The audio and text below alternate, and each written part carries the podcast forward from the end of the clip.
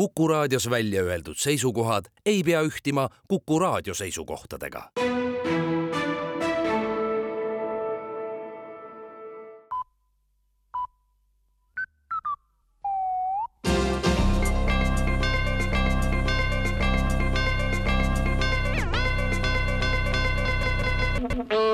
eetris on uudised ja stuudios Rohke Debelak. alustame haridusvaldkonnaga. Tartu Ülikool on välja kuulutanud vastuvõtu automaksu erialale. täisõpiaeg viis aastat, magister ja soovi korral doktor kaheksaga. lõpetanu saab aru, kuidas automaksu arvestatakse, mille alusel, kas on CO2 komponendi või baasosa põhjal eurot grammi kohta pluss vanusekordaja või teisiti.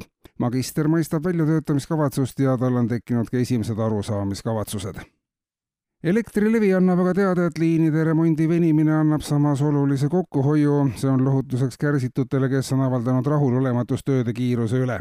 viimastel päevadel on elektrikatkestuste tõttu elektritarbijad kokku hoidnud äh, tuhandeid eurosid ja kümnetel tuhandetel majapidamistel kestab sääst siiamaani kui liinide remonti veelgi edasi lükata, siis saavad kliendid selle nädala jooksul kokku hoida juba sadu tuhandeid eurosid ja mõnel juhul ka miljoneid. kui inimene ei soovigi aga, et elektriühendus talle taastatakse, siis tuleb sellest Elektrilevile avaldusega teada anda.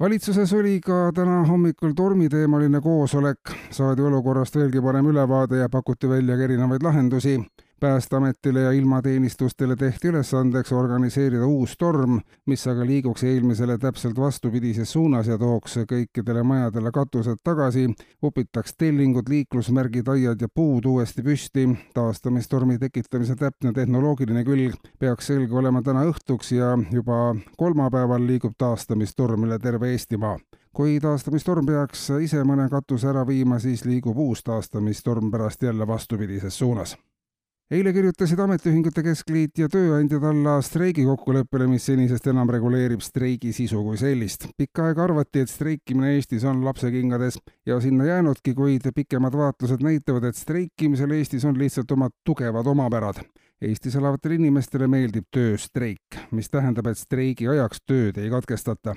töötamine on Eesti inimesele loomulik seisund ja sellega paralleelselt saab tegeleda ka paljude muude asjadega, ka streikimisega. kui viimast kahtekümmet aastat tagasi vaadata, siis on arusaadav, et tegelikult on suurem osa Eestis elavaid tööinimesi lakkamatult streikinud, aga keegi pole seda märganud, sest tööd tehakse ikka edasi. Tööstreik on meie inimestele kõige parem streikimise vorm, nii saab töö tehtud oma õigused nõutud ja kõik on rahul, nenditi kohtumisel. ka täna jätkuvad üle Eesti nii arstide, päästjate, õpetajate, politseinike, kassapidajate ja veel enam kui saja kahekümne elukutse esindajate paralleelne streikimine ja töötamine homme aga lepitakse kokku, kas sellisel juhul, kui inimene töötab, aga samal ajal ka streigib, on talle põhjust palka maksta või mitte.